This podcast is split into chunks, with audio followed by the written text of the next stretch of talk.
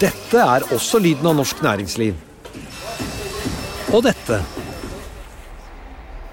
Mens dette er økonomisjefen som nyter synet av ukens tall. Med økonomisystemet Xledger har du alltid kontroll og oversikt. Gå inn på xledger.no. Denne sendingen er sponset av Xledger. Bedriften står foran et utfordrende veivalg, eller kanskje en krevende omstillingsprosess. Og alle snur seg til deg, som leder. Hvem kan du snu deg til da? I Nordea vet vi at også ledere trenger noen å spørre. Og at de beste beslutningene tas på et grunnlag av kunnskap, erfaring og ekspertise. Som din bankpartner er vi her for deg med råd og veiledning. For alt fra ansvarlig vekst til viktige omstillingsvalg. Så når alle spør deg, da kan du spørre oss. Finn ut mer på nordea.no, din bankpartner.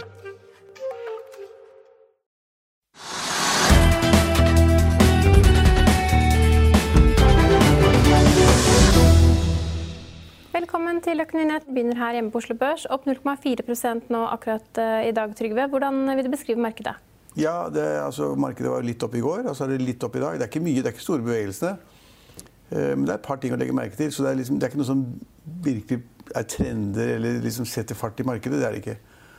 Eh, Det ene er, som jeg snakket med Stenova om i går, det er da oljeprisen, som jeg tippet ville gå litt ned. og ville, Brentoljen ville gå under 60 dollar på fat. Det har den gjort. I dag er vi under 60. Ja, så Den ligger på 59 et eller annet, så den har gått nedover. fordi at uh, tilbudssiden er ganske stor. og de har, I Saudi-Arabia har de fått samme produksjon nå som de hadde før disse angrepene. Og så er man redd for etterspørselstiden over tid hvis det skal bli resesjon i landet rundt om i, i USA eller Europa eller hva det måtte være, eller Kina eller India. Eh, Og hvis det blir resesjon, så er det mindre behov for olje og så videre til industri og transport og masse andre formål. Så det er en usikkerhet i markedet. Det bringer oljeprisen nedover. Likevel så er da de typiske oljeaksjene på Oslo Børs, altså da Equinor og Aker BP, de er litt opp, ikke mye, sånn halv prosent og litt over det. Så det er det ene trekket på Oslo Børs. at Vi har ikke fått noe fall direkte pga. at oljeprisen siger nedover, men den siger nedover. Og jeg tipper at den kommer til å fortsette å sige nedover, for de fundamentale forholdene tilsier nå da at det kan bli ganske mye olje på tilbudssiden. Og kanskje, men ikke ennå, kanskje at etterspørselen blir dårligere. Men Equinor er opp 1,3% akkurat nå, mens Aker BP er kun opp 0,3% Ja, men de skulle egentlig, man skulle tro, da, hvis jeg korrelerte med oljeprisen, at det skulle faktisk falle. da. Ja. Det er ikke alltid slik, det er ikke en sånn sammenheng. men så Oljeprisen er, ten- ten- tenderer nedover. Men, Men forskjellen mellom Brent og VTI er ikke så stor akkurat nå. Bare Fire- fire- 4,5-5 dollar. dollar. Er det noen grunn til at vi har sett en prisøkning på lettoljen i forhold til brent? Nei, det er jeg ikke god nok på, så det kan jeg ikke svare på. Nei. Det har noe med raffineringskapasiteter og hva de skal ha ut å gjøre. og sånn, sånn. Så, så det er den ene tingen. Og den Ja. andre tingen er der hvor du er spesialist. Hvilket marked er det? Det må jo være sjømatindustrien. Sjømat, Jeg vet ikke om jeg kan skrive under på at jeg er fullt oppdatert spesialist nei, spesialist men- nå om dagen, som vi også satser på gründerskap og vekst og andre ting man kan ikke dekke alt nei, hele tiden. Men, eh, men poenget er at det er, også, det er en stor sektor. Har Ja. veldig stor betydning på Oslo Børs. Mange investorer er inne der. Jeg har selv vært inne der. Eh, Mange har tjent masse penger der. Jeg har selv eh, gjort det bra der. Så det er en, et marked som mange følger med på. Det er en viktig næring. Eh, Skaffer, jeg vet ikke om de skaffer 20 millioner måltider hver dag til verden. Sånn. Det var et helt utrolig tall. Eh, Men i alle fall, det er en viktig næring, og det er viktig for Oslo Børs. Og der har da aksjen tendert litt ned i dag. Ikke mye. 1 her. er Movi prosent. faller litt over 1% Jo, og det skyldes to forhold. For det første, prisene tenderer nedover. Så det er masse fisk i markedet. Det er ikke bra eh, for prisen. Og så er det også slik at det har kommet en, det Akkurat detaljene den kan jeg ikke godt nok, men i, i Canada så har da regjeringen foreslått en regulering av oppdrettsnæringen, slik at da ingen merder skal være åpne, alt skal være lukket. Det skal være lukkede anlegg, slik at man ikke da kan fisken stikke av eller gjøre ting. Og det er negativt for oppdrettsnæringen i Canada, og kanskje også andre land frykter at det skal bli noe lignende der. Så at det har to ting, lavere priser og frykt for at man skal regulere næringen. Og det gjør da at selskapene går litt ned, men ikke mye. Og så har vi fått sånne små eiendomsdrypp i dag. Vi kan ta med at Selve Bolig solgte 192 boliger eh, for totalt 914 millioner kroner i tredje kvartal, mens Solo- Solon Eiendom solgte 78 boliger eh, for 407 millioner i samme kvartal. Og så kom jo da Obos-tallene i dag. Ja, men bare ta det første. Altså, det, er litt vanskelig å sammenligne i fjorårets kvartal og nå. fordi at liksom, leiligheten er akkurat ferdigstilt, så blir ferdigstilt neste uke, og så kan de bare bokføre de som er solgt osv. Men hovedinntrykket mitt er da at våre Solon Eiendom og Selog gjør det bra. De lager boliger, får solgt dem til gode priser. Ja. Så det, det, er den private delen av det. Og så har du da Obos, som du sier, som kom med tall i dag. Ja, og De viste jo en oppgang på 0,3% Prisene i Oslo hadde steget 0,3% var høyere enn i september. Og eh, sammenlignet med september i fjor er prisene opp 5,3 ja, i Oslo. Og hittil i år ca. 8 sånn nå. Ja. Så, så Obos-prisene siger oppover. Det er ganske godt sig i de prisene. Og det tror jeg også da vil påvirke det generelle markedet. Så det, det kan se ut som, uten at jeg skal si noe sikkert om det, så kan det se som at disse nye restriksjonene, at du ikke får låne så mye penger som før fra nyttår, og at du har gjeldsregister osv., og, så er liksom, alt er litt mer, litt mer komplisert, det gjør at noen har kanskje kjøper leiligheter nå, for de er redde for ikke å få gjort det siden. Det presser prisene litt opp. Men ikke sant? Så samtidig så er igangsettingen av nye boliger mye lavere enn i fjor. Og hvis igangsettingen faller og faller fordi at liksom man er litt bekymret over hva som skal skje etter 1.1, da det blir vanskeligere å få lån, og vi har gjeldsregister, og det blir vanskeligere å bruke kort, altså penger på kort til å, til å betale egenkapital. Ja. egenkapital. Så, det, så det, det, er litt sånn usikkerhet i markedet. Noen mener at prisene da nå vil stige litt til utover, uh, utover nå, noen uker. Og så vil det falle uh. Og så vil det, faktisk, vil det falle mer enn vanlig på den tiden av året. Og så vil man da kanskje ikke se et prisopp igjen før man kommer ett eller to år frem i tid. Men boligmarkedet er hovedsakelig sunt når vi ser på de to private aktørene. De bygger mye, og de selger mye. Men det er sunt, men likevel så det, eh, bør man eh, iverksette nye restriksjoner, mener du? Nei, jeg mener at er at man skal ha restriksjoner på at, skal, at bankene skal bli pålagt ikke da lånet mer enn fem ganger bruttoinntekten.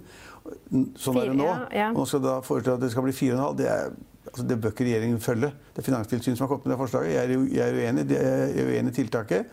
Og bankene bør faktisk da kunne vurdere kundene sine, deg eller andre som skal låne penger, på egen hånd selv. Og så har de også da Finanstilsynet sagt at, at bankenes spillerom for å gjøre skjønn, for å gi blaffen i de der kravene De har alltid hatt en pott som de kan liksom gjøre hva de vil med, avhengig av om kunden er god eller dårlig de skal også gjøre det litt vanskeligere å få lån. Skal... å ta fra 10 til 5 og Var det ikke ja. Daniel Seraye Obo som sa at de, man alltid lå under denne prosenten likevel? Så ja. da vil man jo komme på en forsvinnende liten prosent som får unntak fra regelen. Da. Men, men, men jeg har fått melding fra disse selskapene er at boligmarkedet faktisk er rimelig bra balanse. Det er en viss vekst. Det, det er bare bra. for Hvis det ikke er noe vekst i, i, i prisene, så vil kanskje marginene for produsentene bli dårligere. Og hvis marginene for produsentene blir dårligere, så bygger de mindre. Så enkelt er det. Litt andre nyheter. Altså, DNB venter at Norwegian skal legge frem et eh, driftsresultat for tredje kvartal på 2,5 milliarder kroner. Det er 12% lavere enn konsensus. Eh, meglerhuset tar likevel opp dekning på aksjen etter, eh, med kjøpsanbefaling og kursmål 60 kroner, Trygve. Hva tror du om det? Skal Norwegian opp i 61? Det kan godt tenkes. Altså, det er avhengig av at de kan dokumentere at de tjener penger, at de har fått ned kostnadene, at de gjør de riktige tingene. Det som er sikkert nå, er at de låneforfallene de hadde på milliard, altså flere, lån på flere milliarder kroner, som forfalt i år, de er utsatt et par år. Det er veldig bra for selskapet. Og så må du bevise i markedet at de er gode, at de da legger ned de rutene som går dårlig, oppretter nye ruter som er, tjener penger. Og så er det en vanvittig konkurransehytte der. og Noen tror da at liksom Norwegian kanskje får en ny beiler på kroken, og så kan de liksom igjen begynne å tenke på at kursen skal gå 150 eller 200 eller 400, som man en gang drømte om. ikke sant? Men jeg er ikke der i det hele tatt. Jeg mener at det er såpass komplisert. Og så har de da ikke kommet frem til en avtale med Boeing i forbindelse med da den der Boeing eh, Max 8. Ja.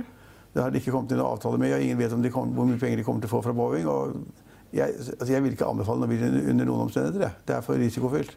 Ja.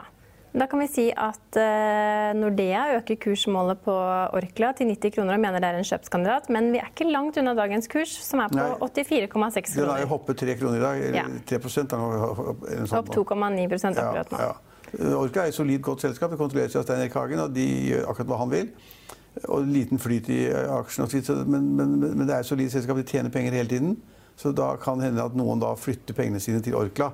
Fra da mer usikre ting som olje og gass og offshore og uh, offshorevirksomheten eller fisk eller hva det måtte være. Så må man ha noen faste punkter hvor det er uh, sikker inntjening, og de er i et marked hvor de er helt dominerende. Så da kan det være et greit sted å gå.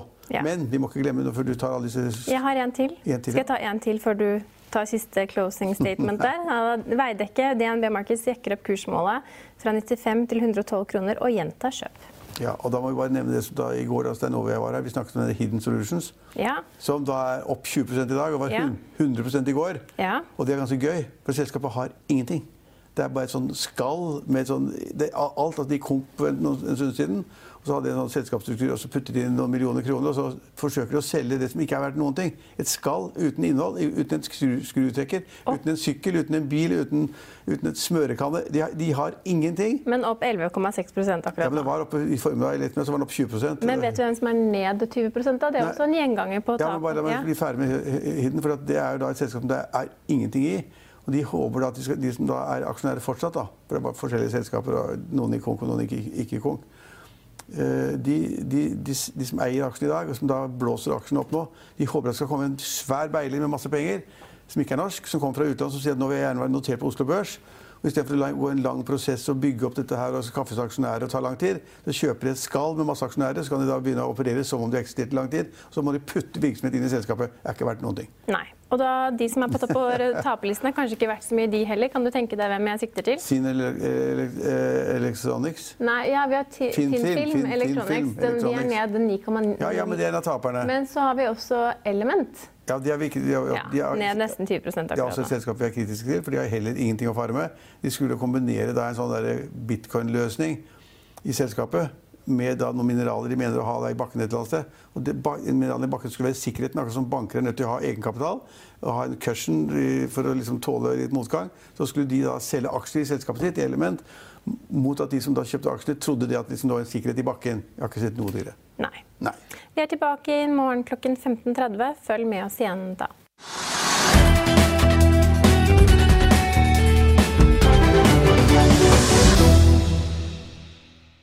Denne sendingen er sponset av X-Leger. ACAST powers the world's best podcasts. Here's a show that we recommend.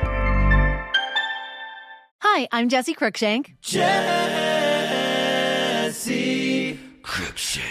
I host the number one comedy podcast called Phone a Friend. Girl, let's phone a friend. Not only do I break down the biggest stories in pop culture with guests like Dan Levy and members of InSync, I do it with my own personal boy band singing jingles throughout because it's my show. It's your show, girl. New episodes of Phone a Friend Yeah. drop Thursdays wherever you get your podcasts. So work it, girl. Yeah, work it. Okay, that's enough. ACAST helps creators launch, grow, and monetize their podcasts everywhere. ACAST.com. Økonominyhetene er en podkast fra Finansavisen. Programledere er Marius Lorentzen, Stein Ove Haugen og Benedikte Storm Bamvik. Produsenter er Lars Brenden Skram og Bashar Johar. Og ansvarlig redaktør er Trygve Hegnar.